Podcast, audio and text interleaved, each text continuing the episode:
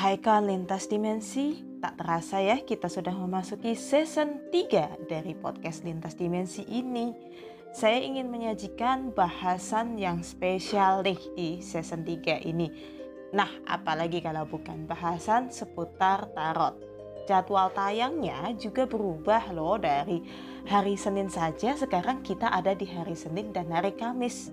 Makanya stay tune terus ya di podcast Lintas Dimensi ini. Tunggu keseruan dari kami berdua. Salam semesta.